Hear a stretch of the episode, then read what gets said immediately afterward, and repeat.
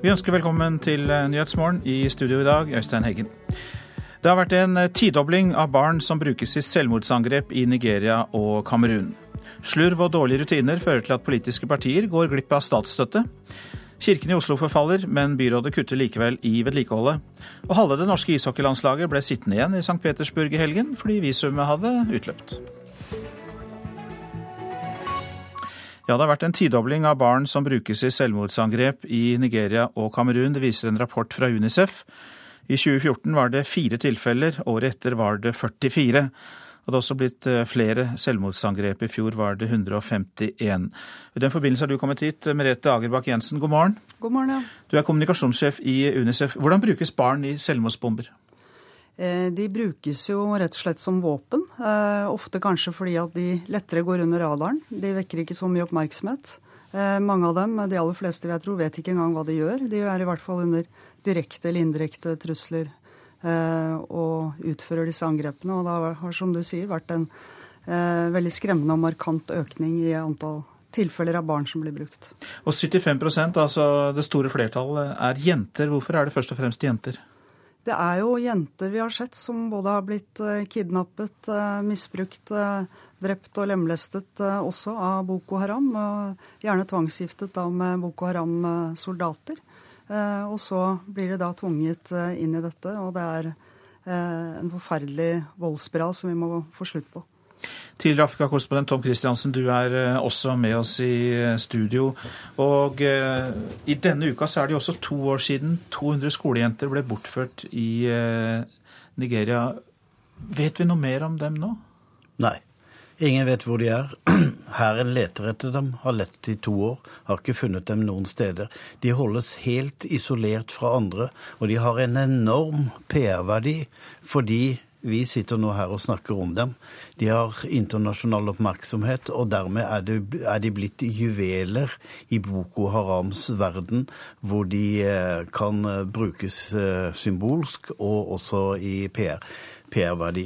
Nå har Boko Haram sagt de kan løslate disse jentene mot en halv milliard i løsepenger.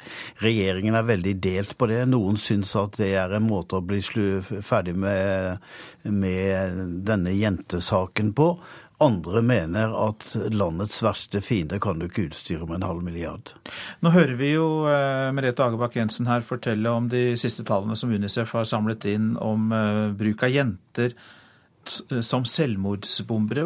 Hvordan kan det i det hele tatt eh, oppstå? Hvordan kan den situasjonen oppstå for barn at de kommer i slike situasjoner? Det er helt, helt opplagt at de bruker jenter. Hva ellers skal man bruke jenter til enn å ligge med dem og, og bruke dem som, uh, som sprenglegemer? Eh, I deres verden har jenter veldig liten verdi. De trenger ikke utdanning. Derfor har de brent ned uh, 1800 800 skoler i den rapporten som eh, Unicef har kommet med. Det er et, et menneskesyn som er ganske langt fra de fleste andre mennesker. Dere i Unicef eh, skal jo jobbe for barns eh, beste, Merete Agerbakk Jensen. Og dere vet da sikkert mer om virkningene for barn av disse grusomhetene i disse områdene? Ja, det er klart. Det lammer jo hele samfunn. og altfor eh, mange barn, dette her. Eh, mange sliter jo eh, selvfølgelig også etter at de eventuelt er frigitt. Bare i fjor så hjalp Unicef over 90 000 barn med psykososial støtte etterpå. Og det som skjer, som er ganske skummelt, er at marerittet er ikke over, selv om de måtte klare å rømme eller bli frigitt. Fordi når de kommer tilbake, så blir de gjerne utstøtt, disk diskriminert og forfulgt. Og har de fått barn som følge av en voldtekt med en Boko Haram-kriger, så risikerer det barnet faktisk å bli drept. Fordi folk frykter at når det barnet vokser opp, så vil det da eh, drepe sin familie. Og det er jo helt grusomt, fordi når du ikke engang kan, eller vil stole på dine egne, hvordan skal du da klare å tilbakeføre et samfunn og gjenoppbygge det når det forhåpentligvis en gang blir fred? De kalles, de kalles for jævelunger. Ja. Men samtidig Tom Kristiansen, så har jo du og andre i utenriksredaksjonen rapportert om at det har jo vært eh, forsøk på å bekjempe Boko Haram, til tider også vellykket, så vidt jeg har oppfattet. Ja, det, Hvordan er den situasjonen? Det som har vært vellykket, er at en del av de som har vært arrestert, har vært gjennom et rehabiliteringsprogram og er kommet ut på plussida. De er på en måte vendt tilbake til samfunnet. Samtidig har nigerianske myndigheter opprettet forskjellige leirer hvor Boko Haram-soldater kan rømme til. Der får de mat, der får de eh, undervisning. Og det er veien tilbake til en sivil jobb i samfunnet. Eh, det er ganske risikabelt for en del av Boko Haram-soldatene, men eh, sånn er det. Så skal vi også huske at en del av disse Boko Haram Haram-soldatene, det er ikke ideologisk overbeviste unge menn. Det er folk som er blitt uh, hanket inn på forskjellige Jeg vil ikke si kidnappa, jentene er kidnappa, men mange av soldatene har ikke dratt til Boko Haram frivillig. Agebakk eh, Jensen, dere i FN, i UNICEF, hvilke muligheter har dere for å hjelpe barna i disse områdene? Det er jo selvfølgelig krevende og utfordrende i særlig en del regioner hvor det er eh, mye kamper. Det, Boko Haram har jo klart å lamme store deler av samfunnet. Folk tør ikke å gå på markedene, verken de som kjøper eller selger, av frykt for selvmordsbombere. Men eh, vi gjør det vi kan. Eh, vi eh, hjelper til både med skolegang, eh, både normalskolegang og mer provisorisk. Selvfølgelig med å prøve å beskytte barna tilbakeføre dem, psykososial støtte, vaksinasjoner, alt dette her. Og det er jo også viktig å få frem at dette er eh, ekstremt fattige land og ekstremt fattige områder. Og situasjonen har ikke blitt bedre, for å si det på den måten, eh, etter Boko Haram. Nei, Tilbake til utgangspunktet, dette med økningen i antall selvmordsangrep. Eh, vi har altså snakket mye om Nigeria nå. Innledningsvis så nevnte vi også at dette var tilfellet i Kamerun. Er dette noe som brer om seg, at det blir flere land som blir involvert også i dette? Det kan jo virke sånn. I hvert fall er jo alle landene rundt Lake Shad. Da. Og det inkluderer jo også da Niger og, og Kamerun og, mm. og Shad. Eh, så, hvor man ser disse tendensene. Og faktisk er Kamerun eh, noe av det, det, verste på statistikken der. Eh, det som også er eh, ganske skremmende, er hvor små disse barna kan være. Eh, det er rapportert om barn og jenter av helt ned i åtte år som ble brukt som selvmordsbombere. Et stort spørsmål til slutt, Tom Christiansen. Hva er det med samfunnet som gjør at dette gror fram, at dette tillates nærmest? Det er jo et fenomen vi ser andre steder også. Du ser det i Somalia med Al Shabaab. Du ser det i Syria med med IS, eh, og, og, internasjonal terror er jo blitt uh, verre. Og IS har jo dokumentert sine ugjerninger på et vis som vi ikke er kjent med fra før. Så det er eh, noen som misbruker da islam til uh, denne typen aktiviteter. Løsningen på det er kompleks og vanskelig. Det ser vi i Syria, det ser vi i Somalia, det ser vi i Nigeria.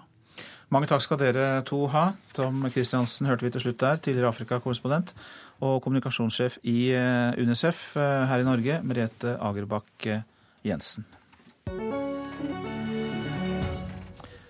I Brasil har en kongresskomité sagt ja til å stille presidenten for riksrett. President Dilma Rousef er anklaget for å ha omgått lovverket for å sikre seg gjenvalg i 2014, og det skal hun ha gjort gjennom å skjule landets budsjettunderskudd.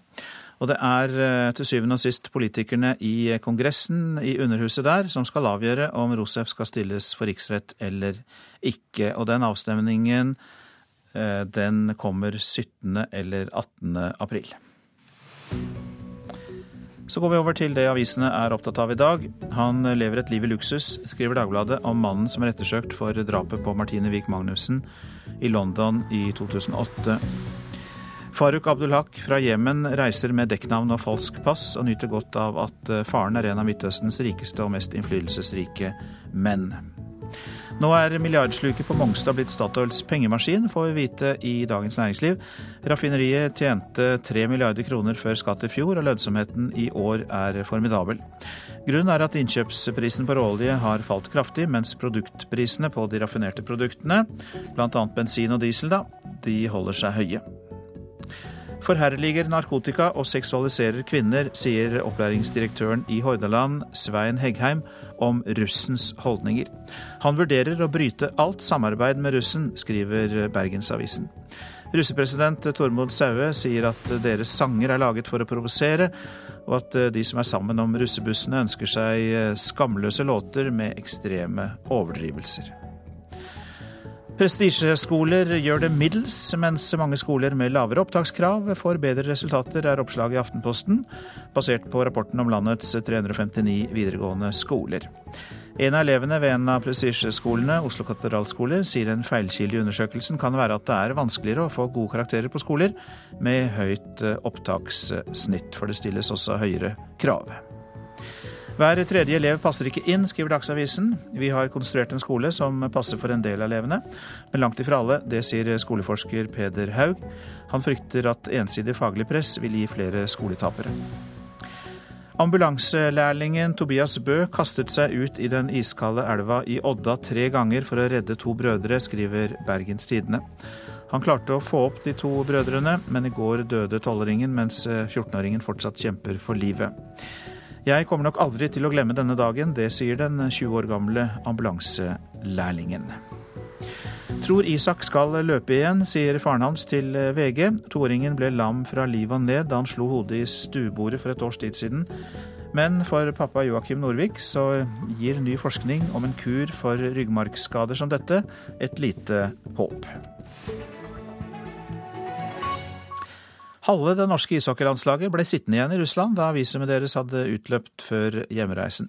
Det norske laget spilte jo i helgen treningskamper mot Russland, og så ble det noen lange timer da før det ordnet seg for å komme hjem, forteller landslagssjef Roy Johansen.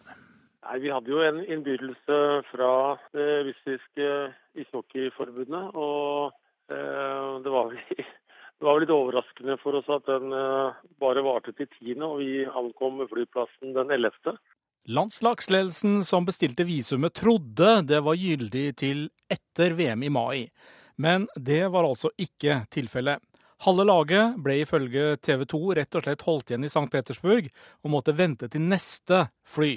Heldigvis fikk eh, lagledelsen ordnet opp med russiske myndigheter til slutt. Så Det var noen timer da med litt byråkrati på flyplassen. Det går jo ikke så fort i, Russland når det er noen formaliteter som skal ordnes. Så det medførte at en eh, del av troppen eh, kom noen timer for eh, forsinka hjem, men det ordna seg tross alt ganske greit til slutt. VM går i Russland, men ikke før i mai. Derfor var det greit at spillerne kom seg hjem til samling og landskamper her til lands mot Finland. Ja, vi nærmer oss VM-troppen for hver uke, men det er også en, en, en camp for spillere som skal være med i landslaget i årene framover. Og får en en periode ute. Og de som er slått ut tidlig fra, fra Gateligaen, får uh, muligheten til å møte internasjonal topp motstandere i form av Russland denne gangen og, og Finland neste uke. Og reporter her, det var Pål eh, Thomassen. Klokka har passert 6.46. Dette er eh, hovedsaker. Vi har hørt at det har vært en tidobling av barn som brukes i selvmordsangrep i Nigeria og Kamerun. Det viser en eh, ny rapport fra Unicef. Slurv og dårlige rutiner fører til at lokallagene til flere politiske partier har gått glipp av 1,3 millioner kroner i statsstøtte. Mer om det om en liten stund. Og de færreste styrene i de store norske bedriftene følger godt nok opp selskapene de skal styre, sier professor. Det får du høre mer om her i Nyhetsmorgen etter klokka sju. Nå om at nesten 50 mindreårige asylsøkere har forsvunnet fra norske mottak hittil i år. Det viser tall fra Utdanningsdirektoratet.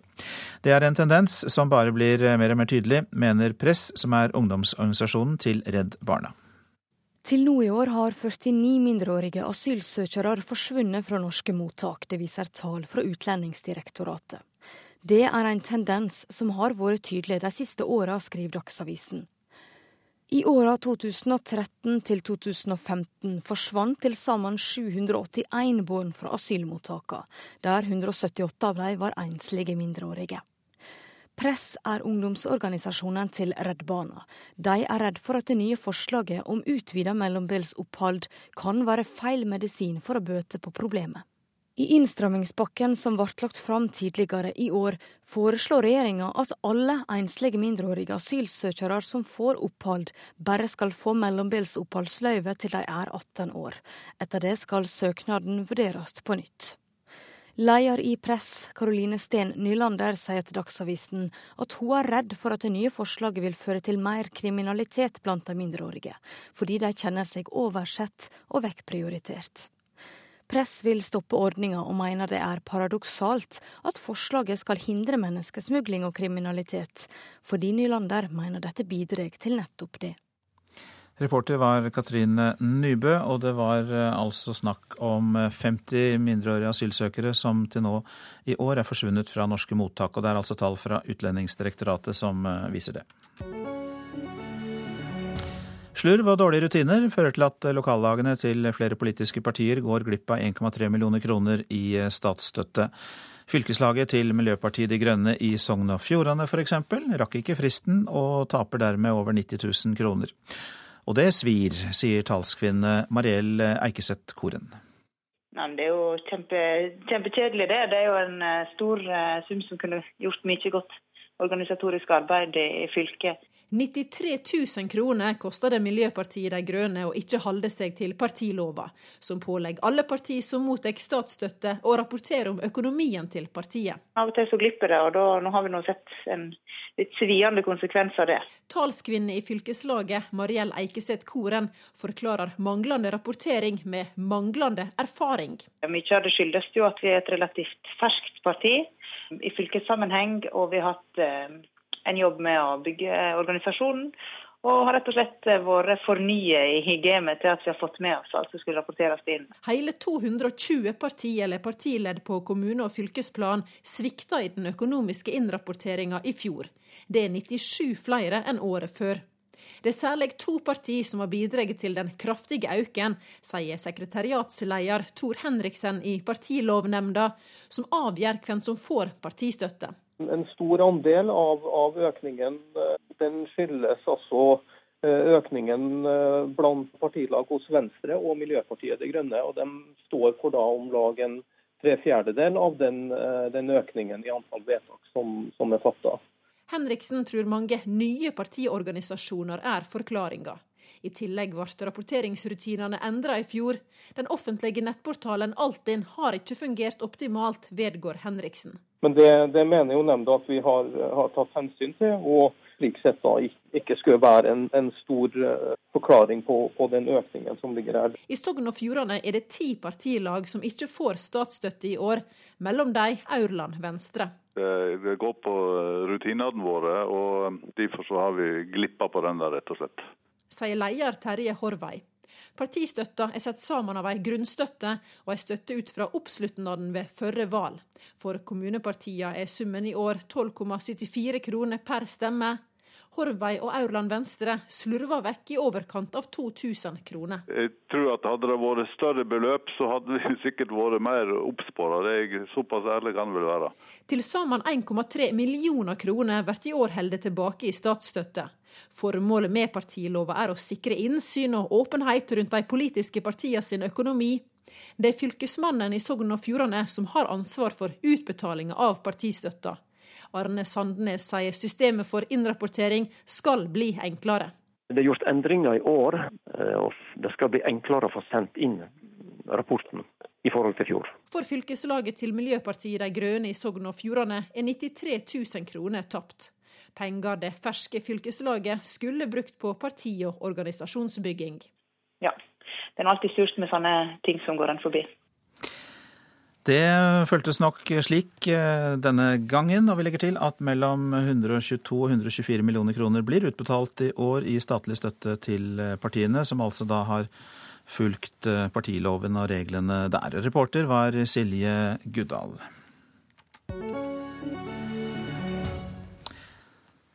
Nå om at hver tredje kirke i Oslo er der er taket så dårlig at det må byttes, og nesten samtlige kirker er preget av forfall.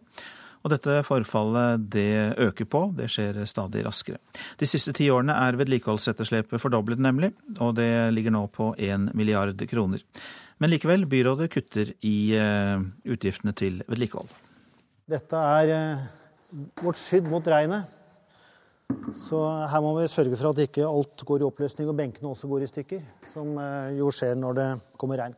Kirkeverger Robert Wright viser frem bøttene som fortsatt står fremme etter siste regnskyll over Lilleborg kirke i Oslo. Det høye, spisse taket har vært lekk i 14 år. Og presenningen som kom på for fire år siden, har også vært lekk lenge. Skifertakstein ligger stablet mot veggen på Sofienberg kirke. Disse har ligget på taket der, men de begynte å og skline. Sogneprest Arne Jord i Paulus og Sofienberg menighet forteller at de jevnlig tar runder med liften for å plukke ned alt som er løst på taket. Og det er jo livsfarlig, helt bokstavelig talt, hvis noen uh, får den i hodet. Forfallet preger mange av de 64 kirkebyggene i byen. Vegger sprekker, murstein og takstein faller ut, vann lekker inn. På vel 20 kirker er taket så dårlig at det må repareres og forfallet går gradvis raskere. Ifølge kirken selv er vedlikeholdsetterslepet, altså prisen for å fikse opp alle kirkene skikkelig, fordoblet de siste ti årene. Fra en halv til omkring én milliard kroner. Nei, Det er stakkarslig og det er trist. Mener kirkeverge Robert Wright. Ja, det betyr at de ikke går an å bruke til slutt. Eh, pluss at det er en fare for eh, å være der. Eh, men det betyr jo noe for denne byen i forhold til hva det representerer som kulturverdi. Kirkebyggene i Oslo er kommunens ansvar. Bare å holde dem i stand slik de er, koster 50 millioner årlig. De siste årene har kommunen bidratt med 30. Det rød-grønne byrådet har kuttet dette til 20 millioner. Vi overtok etter 18 år med borgerlig styre en situasjon hvor det er 1 milliard, eller kanskje mer, i vedlikeholdsetterslep i kirka. Forteller kulturbyråd Rina Mariann Hansen fra Arbeiderpartiet. Likevel kuttet de altså bevilgningene med en tredjedel da de tok over. Det får man ikke løst med om det er 20 millioner eller 30 millioner. Det er ikke gitt at staten bør eh, ta over ansvaret for kirkene, men eh, det er definitivt noe de bør vurdere. I krokene på Sofienberg kirke ligger stadig murpuss. Kirker smuldrer overalt. Samtidig daler besøket i kirkene. Men det er vanskelig å kutte antallet kirker, f.eks. ved å selge. Kirkeverget Robert Wright mener kommunen må ta ansvaret de har. Vi lever jo i en kommune som har råd til å bygge kulturbygg for milliarder, så det burde være mulighet til å ta noe og sette av til det gamle kulturbyggene i Oslo. For det er dette som er de gamle kulturbyggene i Oslo. Reporter her, det var Kjetil Grude Flekkøy. I dag får vi vite hvilke tre forslag til nytt vikingtidsmuseum som Statsbygg vil jobbe videre med.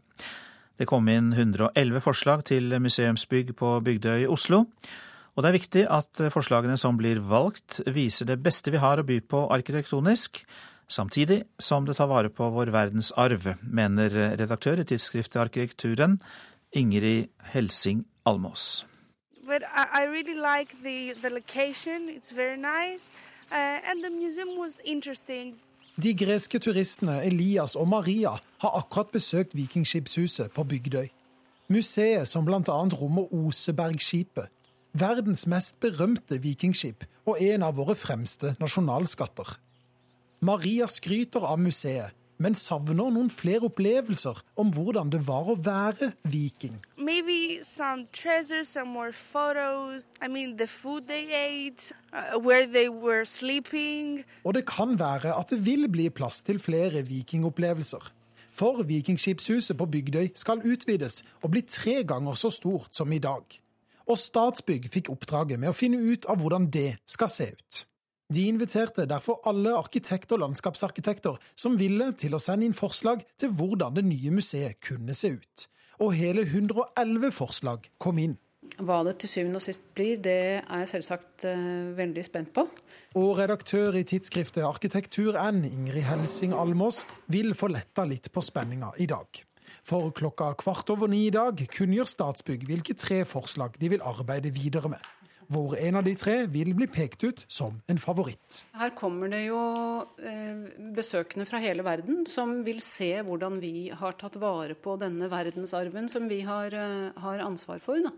Og at vi dermed får et museum som også arkitektonisk viser noe av det beste vi kan få til i dag, og som på en måte er like elegant som det det vikingskipene er. Kunsten nå blir å bygge noe som både tar hensyn til det gamle bygget, men også er en attraksjon i seg selv, slik at folk vil faktisk besøke dette eh, stedet. Sier Knut Påske, arkeolog og avdelingsleder ved Norsk institutt for kulturminneforskning.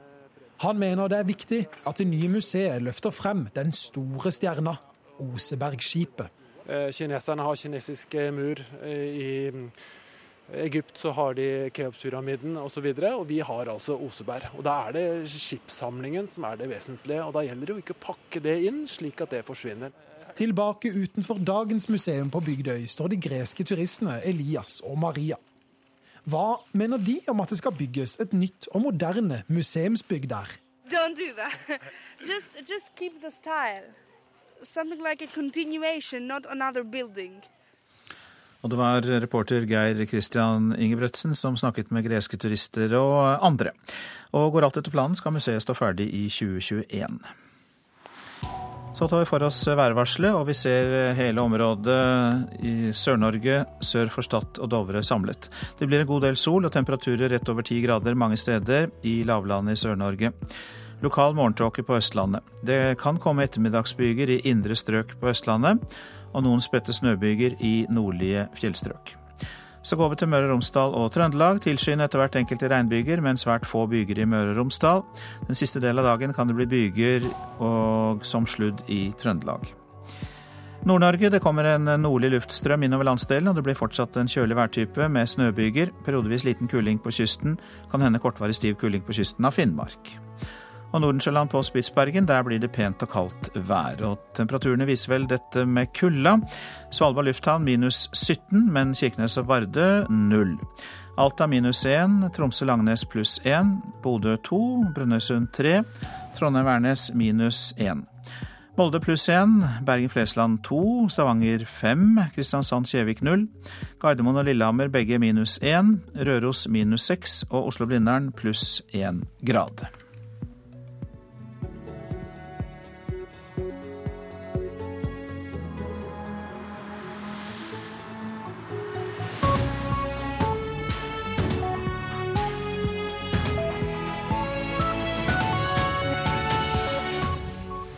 Og Nyhetsmorgen fortsetter med disse sakene. De færreste styrene i de store norske bedriftene følger godt nok opp selskapene de skal styre, sier professor. Feil pengebruk og elendig organisering i Forsvaret. Forsker mener at 49 milliarder kroner per år til Forsvaret er nok. Storbritannias statsminister David Cameron forsøker å gjenvinne tillit blant velgerne etter bråket med farens konto i skatteparadis. Ja, de færreste styrene i de store norske bedriftene følger godt nok opp selskapene de skal styre. Det sier professor ved Handelshøyskolen BI, Morten Huse.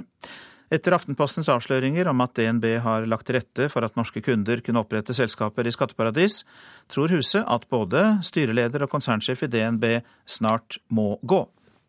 Velkommen til denne pressebrifen. Konsernsjef Rune Bjerke og styreleder Anne Karine Tanum satt side om side foran pressen i går for å gi sine svar om skatteparadisavsløringene. Styret i DNB har tillit til konsernsjef Rune Bjerke. Men har styret fulgt godt nok med på hva som foregikk i DNB? Professor Morten Huse mener styrer i store norske selskaper ikke følger godt nok opp. Jeg har tatt eh, utgangspunkt i at styret skal være aktive, veldig aktive. Jeg er blitt kritisert av dette på en del av disse gjengangerne i styrearbeid at det gjør dem umulig å ha flere styreverv hvis de skal arbeide på den måten som jeg mener at de bør. Men styret må være forberedt på å kunne arbeide mellom styremøtene. De må sette agendaen, og de må forstå hvor de befinner seg. Altså Hvis en befinner seg i et område som da er kritisk, så må en sette inn ressurser der. Kan det virke som om uh, styreleder og styret har gjort nok? Og eh, Bjerke har gjort nok? Det virker ikke sånn. Både styreleder og konsernsjef sier altså at de ikke visste at DNB i Luxembourg hjalp nordmenn å opprette selskaper i skatteparadiset Seychellene. Konsernrevisjonen derimot visste, men unnlot å informere. Styrelederen mener likevel at DNB-styret har god nok kontroll over hva DNB gjør og har gjort. Ja, vi har kontroll. Sier Anne Karine Tanum. Banken er stor, den er mangslungen. Det er styret skal ikke gå ned i detaljer på lavt nivå. Styret skal ha en overordnet rolle, også i forhold til, til risikospørsmålet. Konsernsjef Rune Bjerke svarer slik på om han har hatt god nok kontroll. Min viktigste oppgave er å skape en kultur som gjør at retningslinjene blir overholdt. Og det må jeg jobbe med hver bidige dag.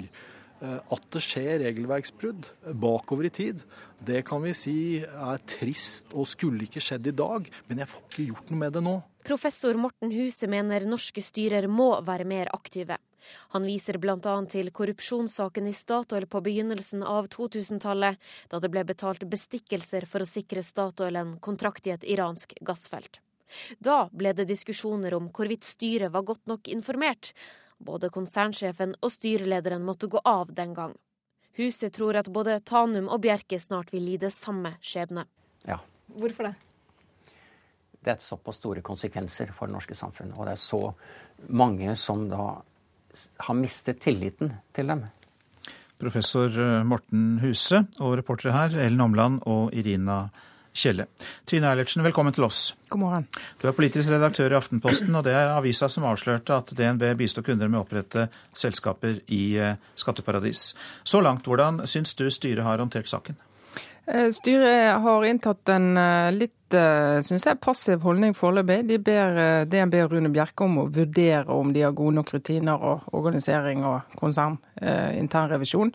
Jeg tror det, mange som ser på det fra utsiden vil vel kunne si at eh, vi kan bare slå fast at det har de ikke hatt.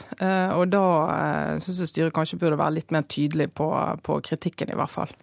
Nå sier Tanum her at styret skal jo ikke gå ned i detaljer på lavt nivå. Er dette med skatteparadis et eksempel på det? Eh, jeg mener det ikke er et eksempel på det. fordi at uh, nettopp den debatten vi har nå, det er ikke en ny debatt. Vi har hatt den i, i mange mange år. Uh, det er et av de temaene som virkelig kan skade omdømmet til en bank hvis de, hvis de, bidrar til at noen kan bryte loven i forbindelse med skatteparadis. Og Det skulle du tro var et av de temaene som styremedlemmer har høyt på agendaen og er veldig obs på. Når vi da vet at to forskjellige statsråder i to forskjellige regjeringer har snakket om nettopp dette temaet, så skulle du tro at det ikke var et tema som ble regnet som en, ja, som en bagatell eller en detalj som skal håndteres langt ned i organisasjonen. Ja, Vi hørte jo her eh, professoren som eh, nevnte, altså Morten Huse, at uh, styrer i store bedrifter ofte ikke har god nok kontroll på det som skjer i bedriften og følger godt nok med. Er det altså ditt inntrykk?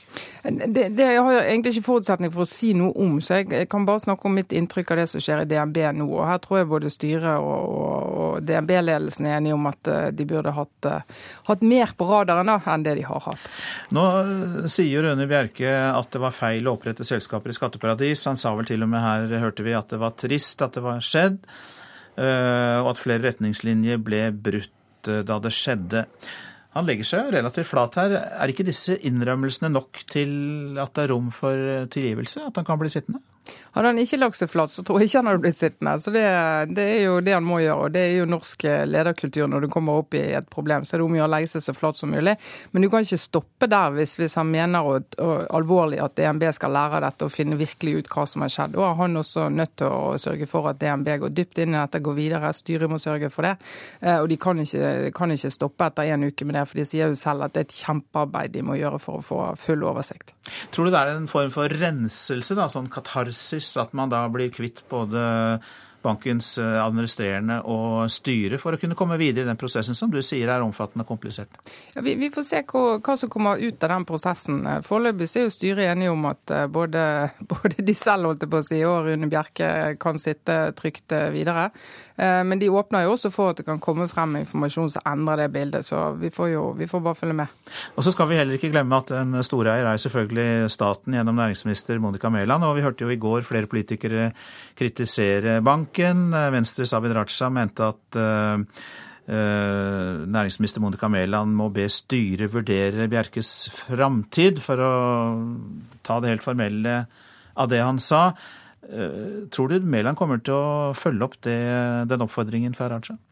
Eh, det ville være rart hvis hun kom nå etter at styret der eh, staten og Monica Mæland har styremedlemmer, har konkludert med at eh, de har tillit til Rune Bjerke. Så må det i hvert fall komme opp noe nytt som endrer bildet, tenker jeg. Men, men det er klart at Abid Raja er jo veldig raskt ute på å, å konkludere, og det tror jeg ikke næringsministeren er komfortabel med å, å gjøre på samme måten. Hvis det skjer noe her med stillingen til eh, Rune Bjerke, er det noe som da eventuelt vil kunne skje etter at man har gått inn i, eh, og, det, og inn i detaljene om eh, hva som er skjedd her? Ja, altså Hvis det kommer frem mer informasjon som handler om at dette har vært kjent mye høyere opp i systemet, altså mye tettere på konsernledelsen enn det banken nå har, eh, har fortalt at det har vært, Eh, for de peker jo på mennesker langt ned i systemet, og borte langt i Luxembourg, DNB Luxembourg, som eh, både har eh, initiert dette tilbudet, og som har, har brakt DNB opp i denne situasjonen. Og, de forteller også om en del sånne strategipresentasjoner og powerpoint-presentasjoner som har tydeligvis vært veldig tettpakket, så tettpakket at de som skulle se dette, ikke har sett det. Men hvis det kommer frem at de likevel burde ha sett det, så er det klart at da får vi en ny situasjon. Mange takk skal du ha, Trine Eilertsen, politisk redaktør i eh, Aftenposten. I går la forsvarssjefen fram sin eh, årlige statusrapport om Forsvaret, og igjen peker han på mer penger for å klare oppgavene. Men en som er svært kritisk til måten Forsvaret bruker penger på, er Tormod Heier, forsker ved Forsvarets høgskole, og han mener det må nytenkning til.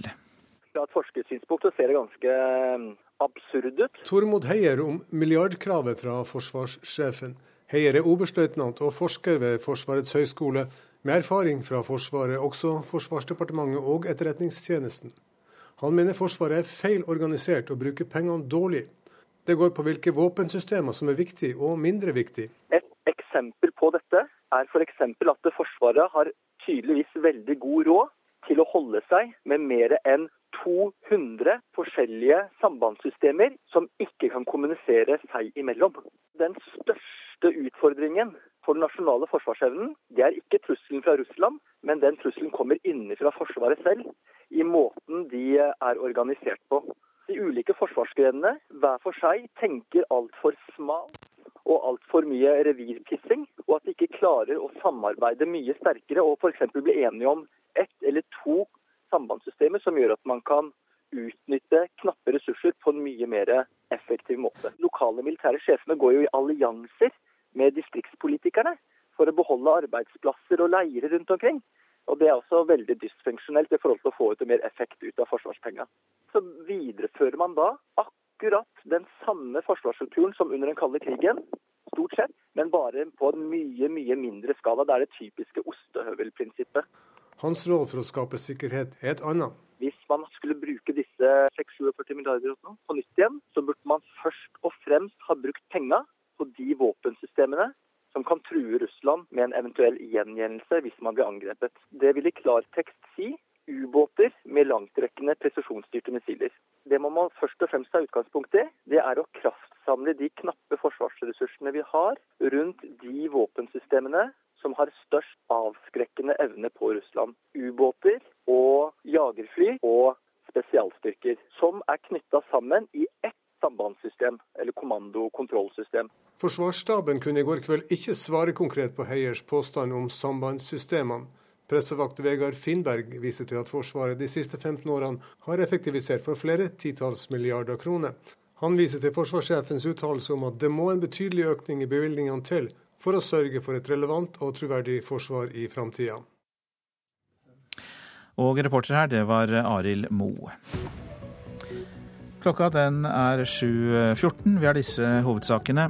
De færreste styrene i de store norske bedriftene følger godt nok opp selskapene de skal styre. Det sier professor ved Handelshøyskolen BI, Morten Huse. Forsvarssjefen krevde i går inn mer penger, men eh, krevde mer penger, men forsker Tormod Heier, som vi hørte, ved Forsvarets høgskole mener det er nok, og at det er feil pengebruk og elendig organisering i Forsvaret. To år etter at Boko Haram bortførte 200 skolejenter i Nigeria, er de fortsatt ikke kommet til rette, men nå sier Boko Haram at de kan slippe jentene fri dersom de får nær en halv milliard kroner i løsepenger. Storbritannias statsminister David Cameron forsøker nå å gjenvinne tillit blant velgerne og eh, folket etter bråket rundt investeringen i et selskap fra det såkalte Panama-dokumentene. Men eh, støyen kan få langvarige følger, tror politiske kommentatorer. London-korrespondent Espen Aas har sendt denne rapporten. Order, order. Det gikk alt annet enn stille for seg i går da statsminister David Cameron møtte i Underhuset for første gang siden Panama-skandalen også rokket ved ham. Selv om ingen har kunnet påvise at Cameron har gjort noe ulovlig da han først kjøpte og senere solgte aksjer i farens utenlandsselskap, som for en drøy uke siden dukket opp i Panama-papirene, så har Cameron blitt drevet fra skanse til skanse.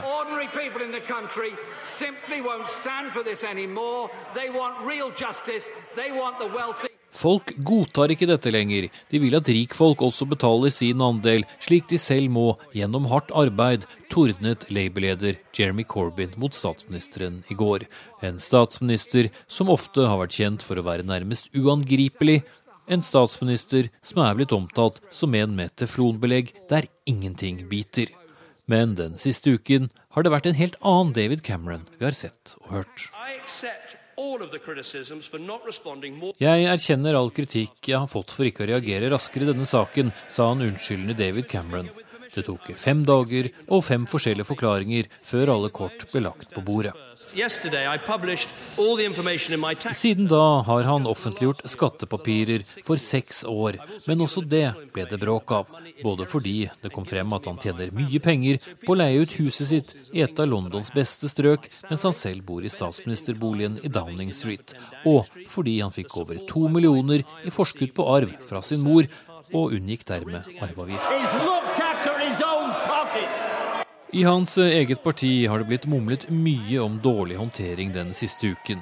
Mange er redd for at saken skal volde langvarig skade på partiet. Når NRK spør en av Storbritannias mest profilerte meningsmåler og politiske kommentatorer, Peter Kellner, svarer han at saken kan få konsekvenser for den kommende EU-avstemningen. To a, an anti-European vote as an anti-elite, uh, anti-rich people vote.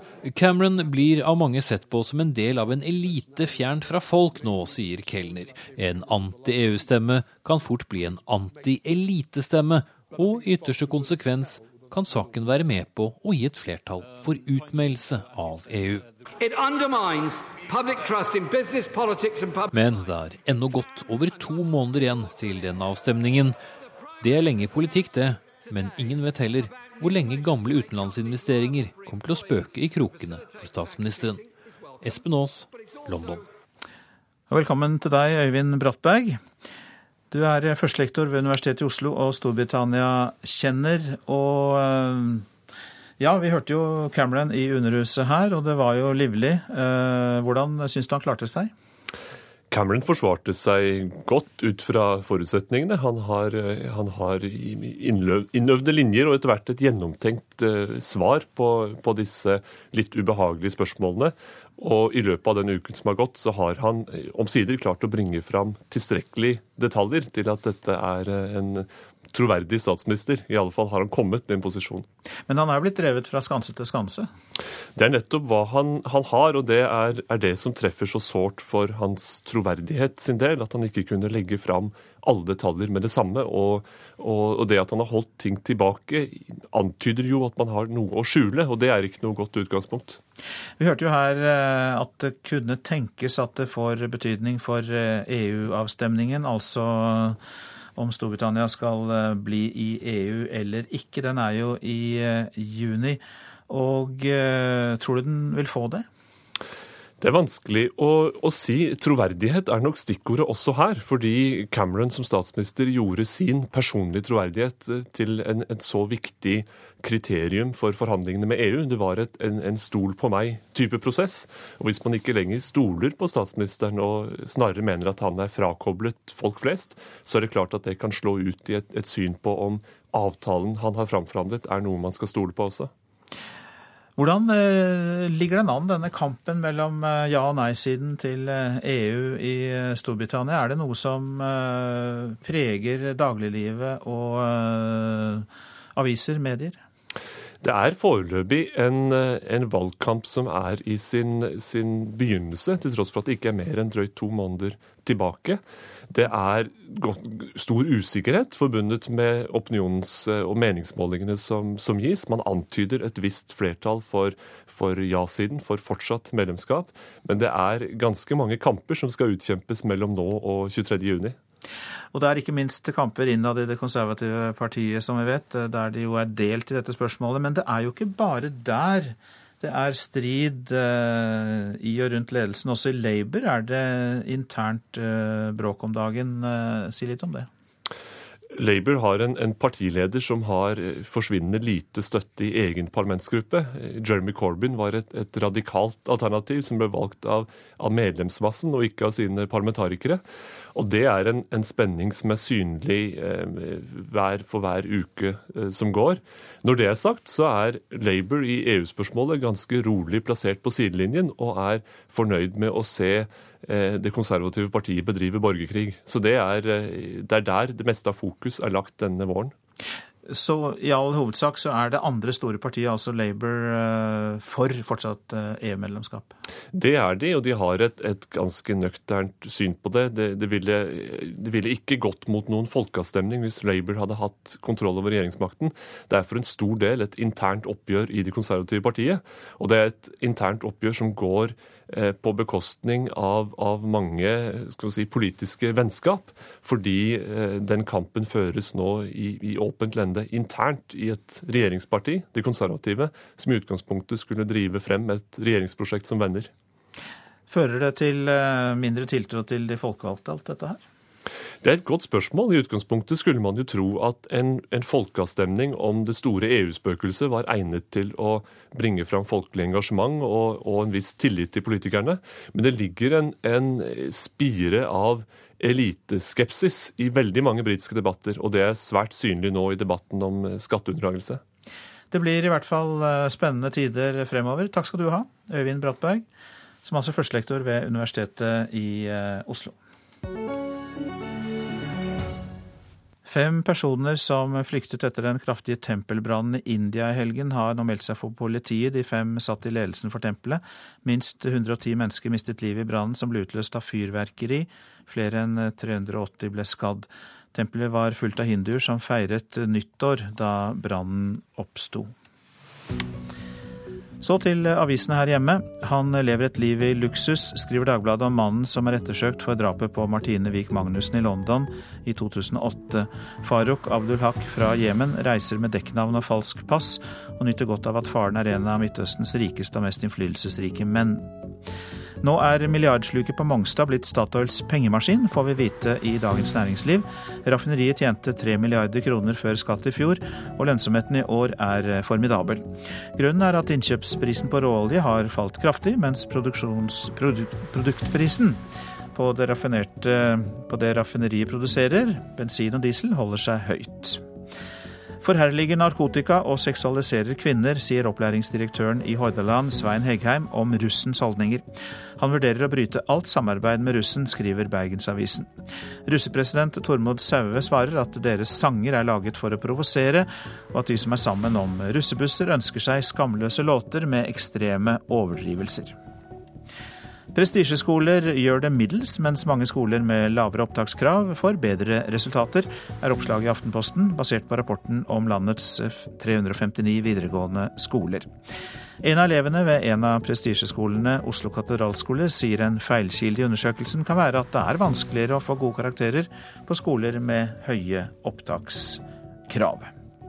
Hver tredje elev passer ikke inn, skriver Dagsavisen. Vi har konstruert en skole som passer for en del av elevene, men langt ifra alle, sier skoleforsker Peder Haug. Han frykter at ensidig faglig press vil gi flere skoletapere. Ambulanselærlingen Tobias Bø kastet seg ut i den iskalde elva i Odda tre ganger for å redde de to brødrene, skriver Bergens Tidende. Og Tobias Bø klarte å få opp de to, men i går døde tolvåringen, mens 14-åringen fortsatt kjemper for livet.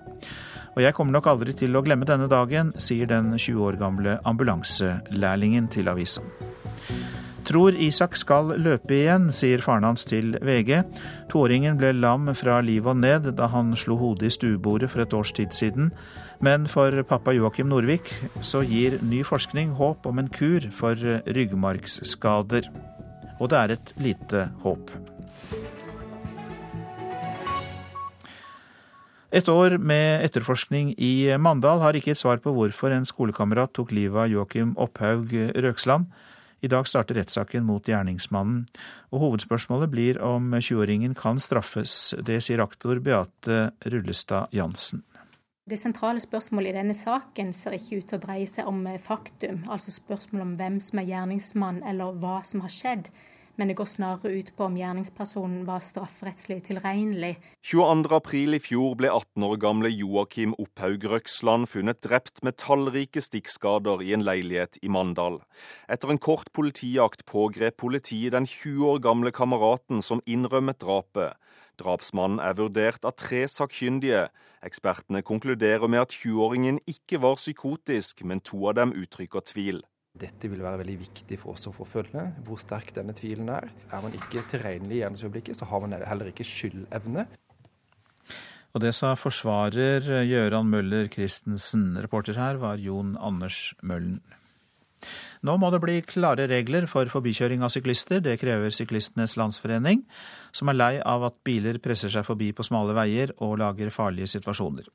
For eh, selv om syklister og bilister har like stor rett på veien, så er det jo ofte bilen som eh, vinner plass. Vi opplever, vi som sykler mye, at eh, det er litt forskjellig atferd hos bilistene. Med våren fylles veiene opp av syklister, og ikke alle bilister holder avstand når de kjører forbi, forteller Jan Henrik Lund i Syklistenes Landsforening. Syklistenes Landsforening har foreslått faktisk en forskriftsfastsettelse med 1,5 meters avstand, og også et skilt som angir det. Eh, men eh, så langt har vi ikke kommet ennå. Men hvorfor tenker du at det er viktig å få det tydeliggjort, da? Fordi at bilistene skal være klar over at det er 1,5 meter som er den eh, sikre avstanden. I dag oppfordres bilistene til å vise hensyn og holde tilbørlig avstand. Men det holder ikke, mener han. Reglene må bli tydeligere. Da blir det opp til bilisten selv å definere. Og da blir det sånn at noen klemmer seg foran syklister i full fart mm, i forbindelse med at de møter en annen bil. Altså, dessverre blir det sånn noen ganger. Foreløpig har myndighetene sagt nei til både ny forskrift og skilting, og mener at endrede holdninger er veien å gå. Statens vegvesen sier det er mange måter å vise hensyn på, både for bilister og syklister, forteller sykkelansvarlig i Østfold, Beate Myklevold. Eh, bilister må passere syklister med større margin enn til bil pga. dragsug. Eh, som bilist, sett på blinklyset og legg deg helt ut i motsatt kjørefelt når du skal passere en, en eh, syklist. Syklister har de samme rettighetene på veien som bilistene, det er viktig å huske på. Men også de samme pliktene. Så syklister skal også være hensynsfulle og varsomme. Eh, syklister kan sykle to i bredden dersom veien er oversiktlig og det er lite trafikk, men husk å slippe bilene forbi. At både syklister og bilister har like stor rett på veien, er et hett tema. Det merker Myklevold godt. Ja, og jeg syns at det engasjementet har eh, økt veldig med åra. Det er eh, ja eh, det er veldig mye engasjement rundt eh, sykling nå. Og det syns vi som jobber med sykling er kjempebra. Ja, og det var Beate Myklevold som syntes det. Sykkelansvarlig hos Syklistenes Landsforening i Østfold. Reporter her var Anette Torjussen. Mange amerikanere forstår ikke hvorfor resten av verden følger så godt med på deres presidentvalgkamper. Hør mer om det i reportasjen etter Dagsnytt. Og bør eh, stortingsrepresentanter oppgi alle aksjer de eier? Ja, mener SV. Nei, mener stortingspresidenten. Hør mer om det i Politisk kvarter. Der det også blir debatt om Venstres forslag om å gi lavere lønn til flyktninger, som LO mener er skammelig. Og produsent for Nyhetsmorgen i dag, Ingvild Ryssdal. Her i studio, Øystein Heggen.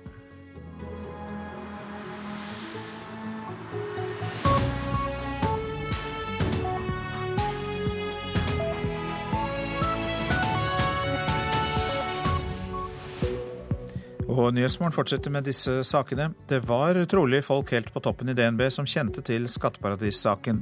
Styrene i store norske bedrifter følger ikke godt nok opp selskapene de skal styre, sier professor. I Nigeria krever Boko Haram en halv milliard kroner i løspenger for å sette 200 bortførte jenter fri. Og Drammen kommune vil ha et boligfelt som forsynes med solenergi. Det kan ikke kommunen kreve, sier departementet. Det var trolig folk helt på toppen i DNB som kjente til skatteparadissaken. En av de nåværende konserndirektørene satt nemlig i styret for DNB Luxembourg fra 2005 til 2010. I går sa toppsjef Rune Bjerke at styret i DNB Luxembourg eh, har visst om praksisen.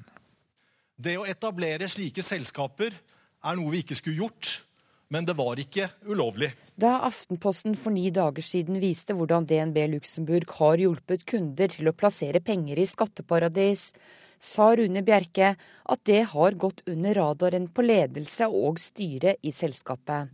Men i gårsdagens redegjørelse kommer det frem at styret i DNB Luxembourg har visst om skatteparadissatsingen og en av nåværende konserndirektører i DNB satt i styret i Luxembourg fra 2005 til 2010, hele tiden mens praksisen foregikk. Den juridiske gjennomgangen har avdekket flere brudd på etiske retningslinjer hos styret i Luxembourg. Selve prosjektet ble implementert og drevet fram av DNB Luxembourgs intern revisor. DNBs internrevisor var altså mer enn å være internrevisor. Han var også prosjektutvikler. Reporter her, eh, Line Tomter. De færreste styrer i store selskaper er flinke nok til å følge opp selskapene de skal styre, mener professor ved Handelshøyskolen BI, Morten Huse. Etter Aftenpostens avsløring om at DNB har lagt til rette for at norske kunder kunne opprette selskaper i skatteparadis, tror Huset at både styreleder og konsernsjef i DNB snart må gå. Styret i DNB har tillit til konsernsjef Rune Bjerke. Styreleder Anne Karine Tanum ga DNBs konsernsjef Rune Bjerke sin støtte foran pressen i går. De sier begge to at de ikke visste at DNB i Luxembourg hjalp kunder å etablere selskaper i skatteparadiset Seychellene. BI-professor Morten Huset mener for mange norske styrer er for dårlige til å følge opp. Jeg har tatt eh, utgangspunkt i at styret skal være aktive, veldig aktive. Jeg er blitt kritisert av dette på en del av disse gjengangerne i styrearbeid, at det gjør dem umulig å ha flere styreverv hvis de skal arbeide på den måten som jeg mener at de bør. Kan det virke som om uh, styreleder og styret har gjort nok? Og uh, Bjerke har gjort nok? Det virker ikke sånn. DNBs styreleder mener like fullt de har kontroll. Ja, vi har kontroll. Sier Anne Karine Tanum. Banken er stor. Den er mangeslungen. Det er Styret skal ikke gå ned i detaljer på lavt nivå. Styret skal ha en overordnet rolle. Men Bay-professoren etterlyser mer aktive styrer. Han viser bl.a. til Statoils korrupsjonssak i Iran på begynnelsen av 2000-tallet, da det ble diskusjon om hva styret visste. Saken endte med at både styrelederen og konsernsjefen måtte gå. Og huset tror DNBs Rune Bjerke og Anne Karine Tanum snart må se seg om etter ny jobb. Ja, det er såpass store konsekvenser for det norske samfunnet. Og det er så mange som da har mistet tilliten til dem. Reportere Ellen Omland og Irina Kjelle. Politisk redaktør i eh, Aftenposten, som har eh, avslørt eh, skatteparadissaken. Trine Eilertsen er kritisk til den holdningen DNBs styre har inntatt til bankens tidligere praksis. Styret har inntatt en litt Eh, synes jeg, passiv holdning foreløpig. De ber eh, DNB og Rune Bjerke om å vurdere om de har gode nok rutiner og organisering og konsern, eh. Eh, jeg tror det, mange som ser på det fra utsiden vil vel kunne si at eh, vi kan bare slå fast at det har de ikke hatt. Eh, og da eh, syns jeg styret kanskje burde være litt mer tydelig på, på, kritikken, i hvert fall.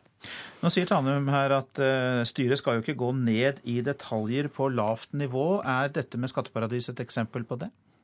Eh, jeg mener det ikke er et eksempel på det. fordi at uh, nettopp den debatten vi har nå, det er ikke en ny debatt. Vi har hatt den i, i mange mange år. Uh, det er et av de temaene som virkelig kan skade omdømmet til en bank hvis de, hvis de, bidrar til at noen kan bryte loven i forbindelse med skatteparadis. Og Det skulle du tro var et av de temaene som styremedlemmer har høyt på agendaen og er veldig obs på. Når vi da vet at to forskjellige statsråder i to forskjellige regjeringer har snakket om nettopp dette temaet, så skulle du tro at det ikke var et tema som ble regnet som en, ja, som en bagatell eller en detalj som skal håndteres langt ned i organisasjonen. Nå sier Røne Bjerke at det var feil å opprette selskaper i skatteparadis. Han sa vel til og med her, hørte vi, at det var trist at det var skjedd, eh, og at flere retningslinjer ble brutt eh, da det skjedde. Han legger seg relativt flat her. Er ikke disse innrømmelsene nok til at det er rom for tilgivelse? At han kan bli sittende? Hadde han ikke lagt seg flat, så tror jeg ikke han hadde blitt sittende. Så det, det, er jo det han må gjøre. Og det er jo norsk lederkultur når du kommer opp i et problem. Så er det om å gjøre å legge seg så flat som mulig.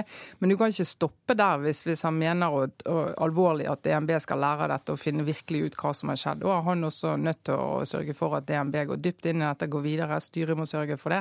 Eh, og de kan ikke, kan ikke stoppe etter en uke med det, for de sier jo selv at det er et kjempearbeid de må gjøre for å få full oversikt. Tror du det er en form for renselse, da, sånn katarsis? at man da blir kvitt både bankens eh, administrerende og styre for å kunne komme videre i den prosessen som du sier er omfattende og komplisert? Ja, vi, vi, får se hva, hva, som kommer ut av den prosessen. Foreløpig er jo styret enige om at eh, både, både, de selv holdt på å si, og Rune Bjerke kan sitte trygt eh, videre.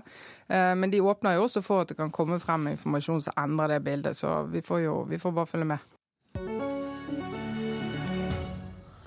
To år etter at terrorgruppa Boko Haram bortførte 200 skolejenter i Nigeria, er de fortsatt ikke kommet til rette.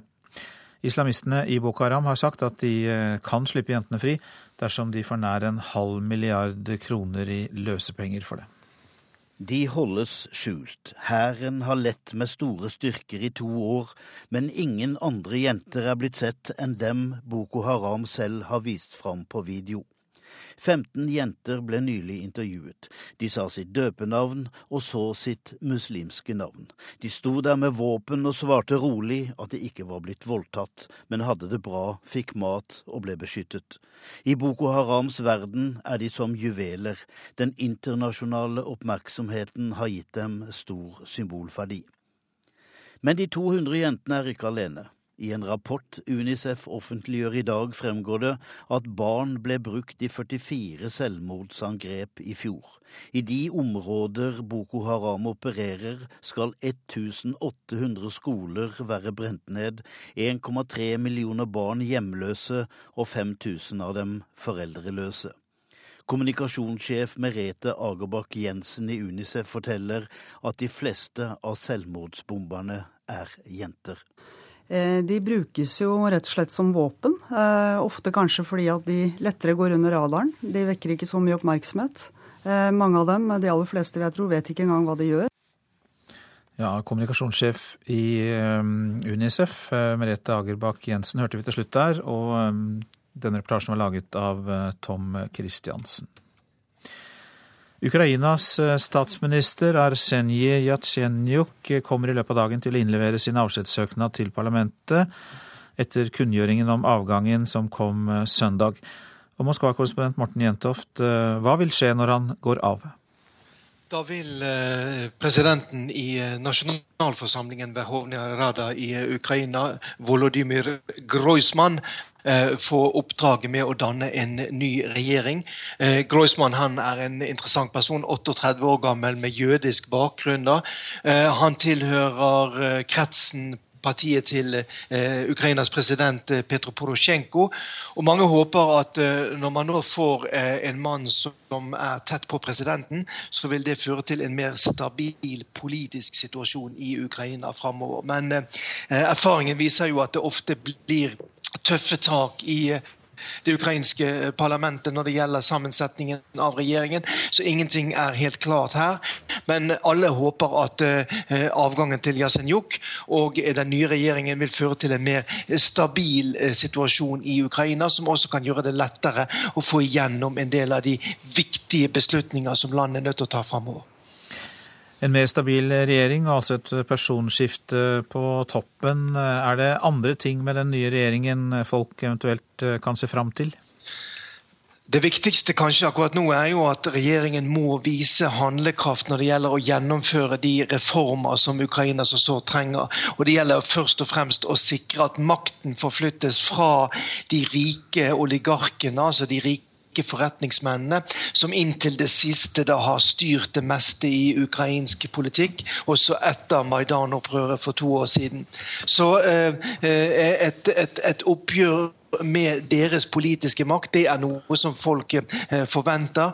Her er det mange som tviler litt på om det er mulig. Vi vet jo at Petro Porosjenko selv eh, eh, rangeres som Ukrainas sjette rikeste mann.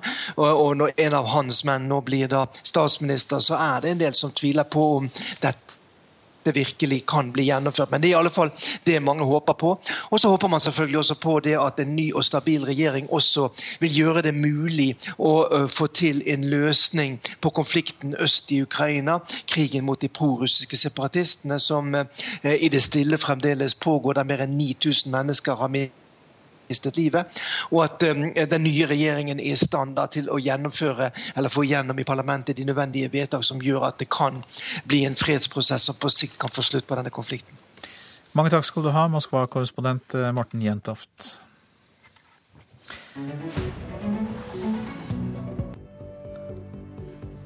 Dette er Nyhetsmorgen, og klokka nærmer seg kvart på ni.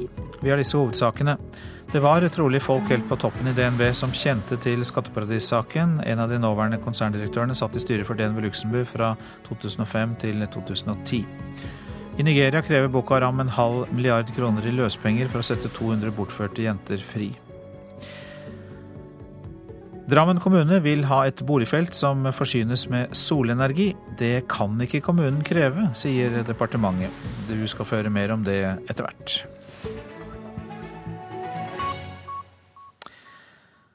Nordmenn eh, reiser som aldri før. Bestillingene til sommeren er flere enn noen gang tidligere, ifølge Ticket, som er Nordens største feriereisebyrå.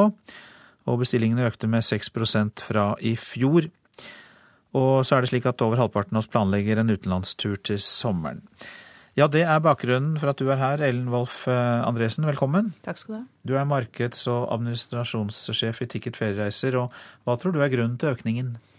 Vi orker ikke tanken på at vi skal fryse til sommeren også.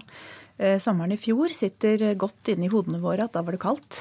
Og folk løp som gale når de så hvordan juni og juli ble for å finne seg en reise. Og etter hvert så ble det jo nesten ingenting mer å finne, og det som var, var veldig dyrt.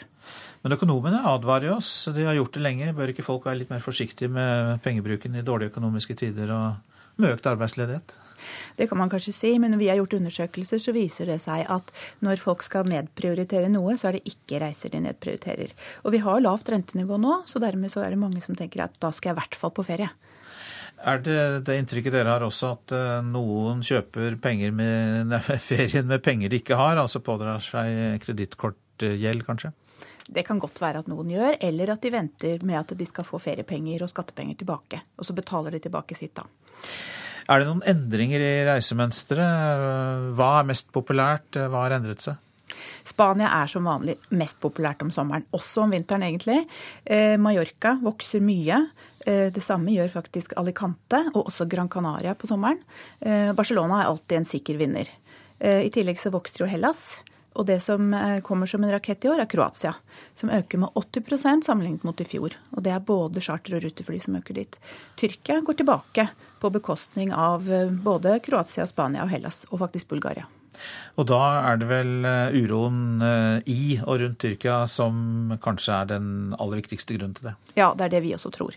At det er den viktigste grunnen. Folk leser aviser, hører på radio og på TV og ser at her er det mye uro, frykt for at noe skal skje. Glemmer kanskje litt at det er lang avstand fra sol og badesteder til grensen til Syria.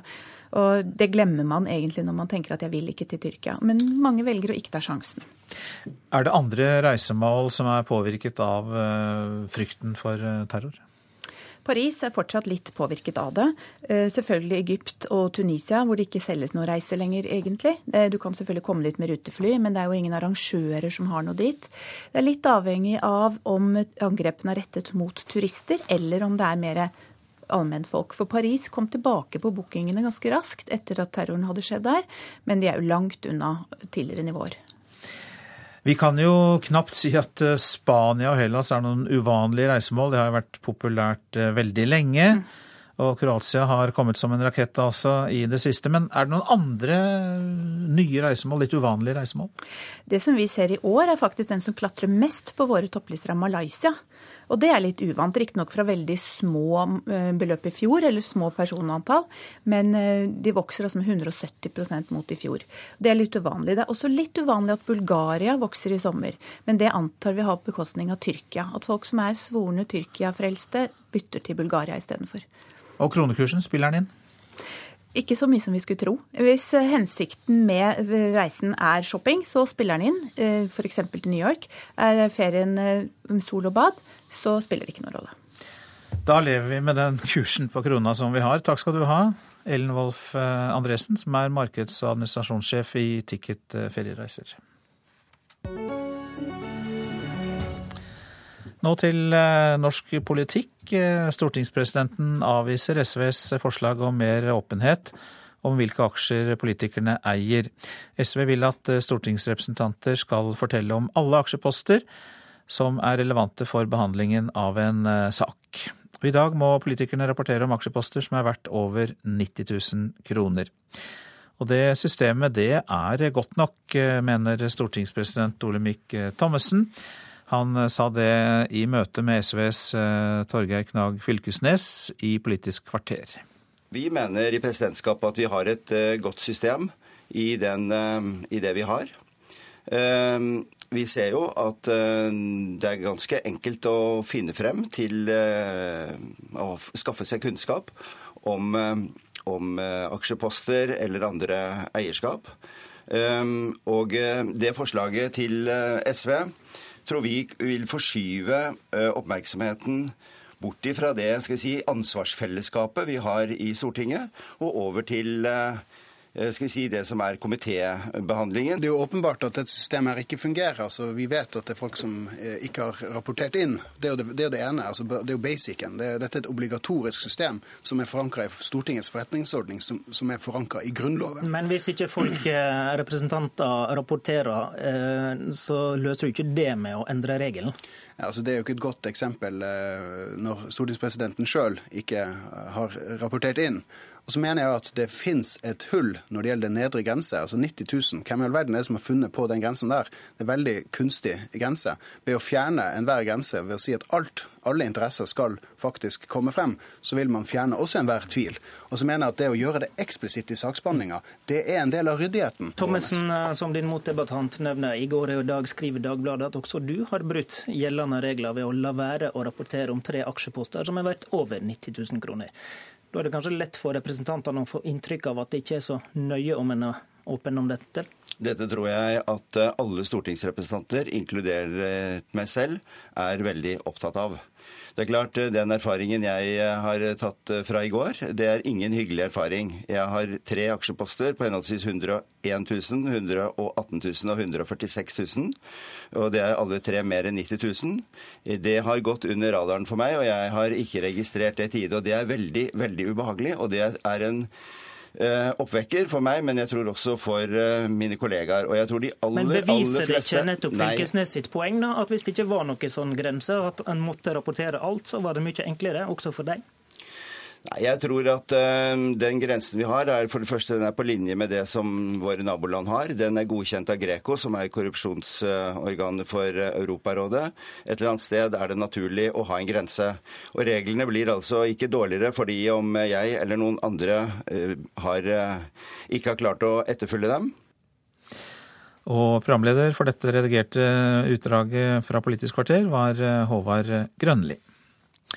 I Brasil har en kongresskomité sagt ja til å stille presidenten for riksrett. President Dilma Rousef er anklaget for å ha omgått lovverket for å sikre seg gjenvalg i 2014 gjennom å skjule landets budsjettunderskudd. Men det er politikerne i Underhuset i Kongressen som skal avgjøre om Rousef skal stilles for riksrett eller ikke, i en avstemning som blir 17. eller 18. april. Tre av fire prester i Møre sier trolig nei til å vie homofile i kirken. Kirkemøtet sa i går med klart flertall ja til ekteskap for likekjønnede, etter årelang strid om saken.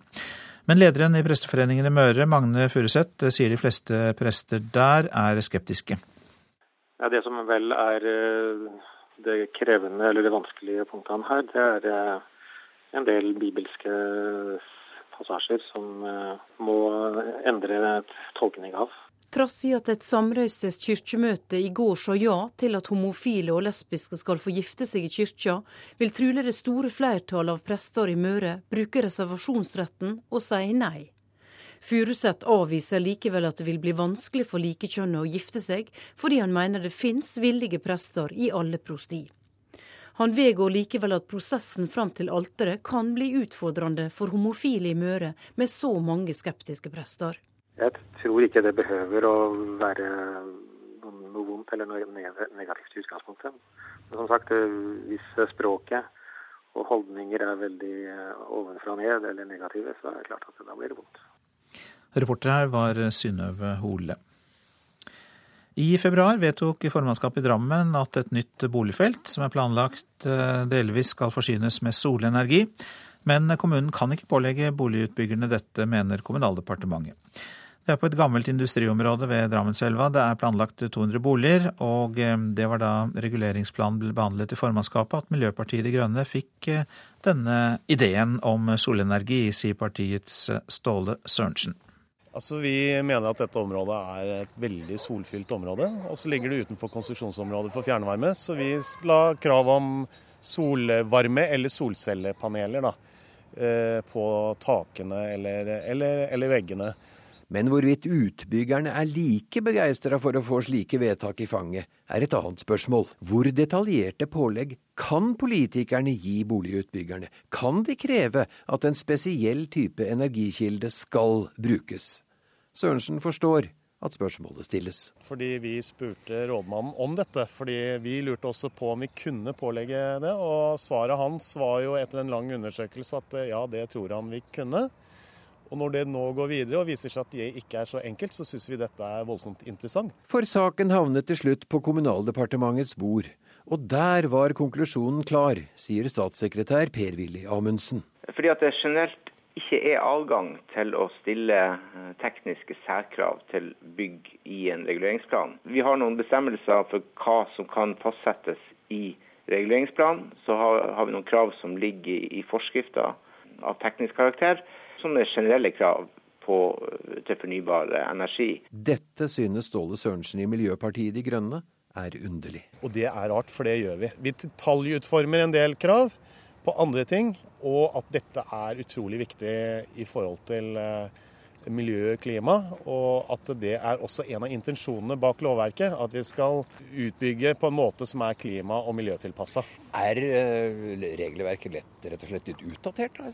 Det er utdatert. Det tar ikke hensyn til, eh, til en del ting. Og dette er åpenbart et hull da, i regelverket. Og det hullet vil Sørensen nå tette igjen. Dette er en sak vi ønsker å gå videre med eh, prinsipielt i Stortinget, eh, og kanskje få på plass en eh, lovendring. Reporter her var Kim Holtan. Ja, statsmeteorolog eh, Kristen Gislefoss. Eh, kalde vinder strømmer inn over Nord-Norge?